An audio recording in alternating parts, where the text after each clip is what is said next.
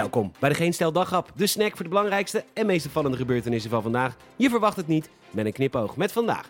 De opnames van het CDA-partijcongres, het einde van de mondkapjes als alles precies zo gaat als Hugo de Jonge verwacht en fitboy Kim Jong-un waarschuwt bevolking, wat u nu voelt is honger. Mijn naam is Peter Bouwman, dit is het nieuws van woensdag 16 juni.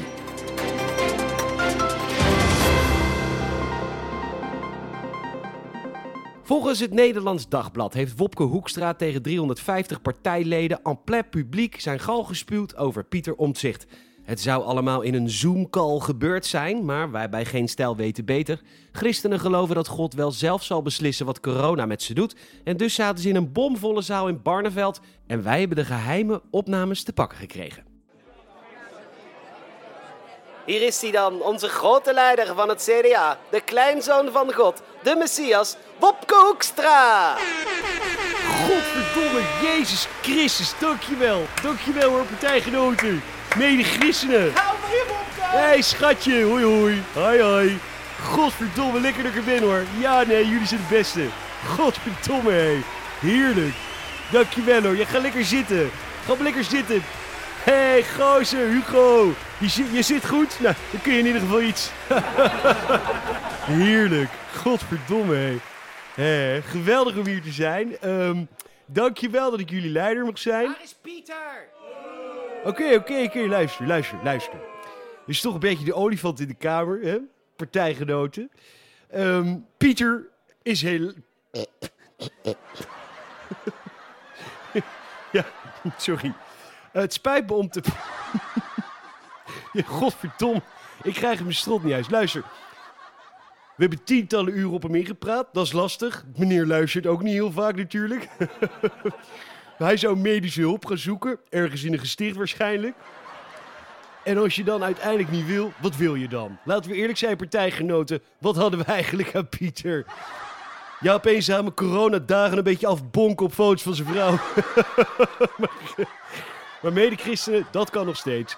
Pieter heeft zijn eigen stukken zelf gelekt en uw lulhannes krijgt nu wat hij verdient. Stemmen bedoel je? Ja, godverdomme kappen nou. Die Pieter is een ontzettende lul. Pas op, Wopke, de pers is hier. Ach, de pers, wat schattig. Hallo, pikkenpijp, leuk dat je er bent. Geen zorgen hoor, ik zie iemand zitten van de NOS. Die lullen niks door. Tik hem aan. Die weet natuurlijk als geen ander dat de minister van Financiën de salarissen betaalt. Ja, wel een beetje vriendelijk zijn, hè? Ja, zeker. Meneer Hoekstra, voor jou. Hugo de Jonge kroop voor de microfoon van het AD om te vertellen dat we misschien over tien dagen afscheid kunnen nemen van de mondmaskers. Maar dat was natuurlijk geen belofte, wees niet bang. Maar de stappen werden natuurlijk wel even doorgenomen zoals we dat van hem gewend zijn. Kijk, als het kabinet aanstaande vrijdag beslist dat ze willen stoppen met mondmaskers en als de cijfers net zo hard dalen als de afgelopen dagen en als we dan in een persconferentie vertellen dat we kunnen stoppen met mondmaskers, dan kan een week later worden gestopt met het dragen van mondmaskers. Als dat allemaal gebeurt. Wat is er toch aan de hand met Kim Jong-un? De Noord-Koreaanse premier is tegenwoordig zo eerlijk tegen zijn volk. Tien jaar geleden beloofde hij nog dat hij alle problemen zou oplossen. Nu waarschuwt hij zijn bevolking voor een hongersnood.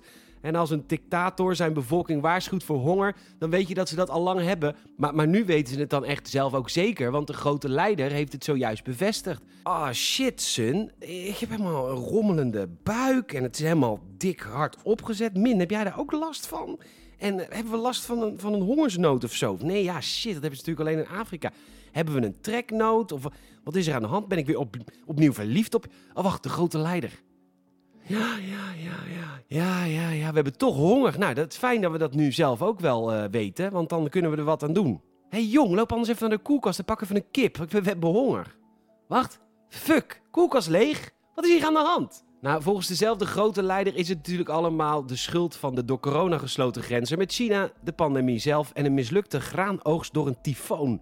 Nou, gelukkig heeft hij wel een plan om het te repareren natuurlijk. Tweeledig. Eén, een vijfjaren plan tot een zelfvoorzienende economie. En twee, het nucleaire arsenaal uitbreiden. Want dat is altijd een oplossing.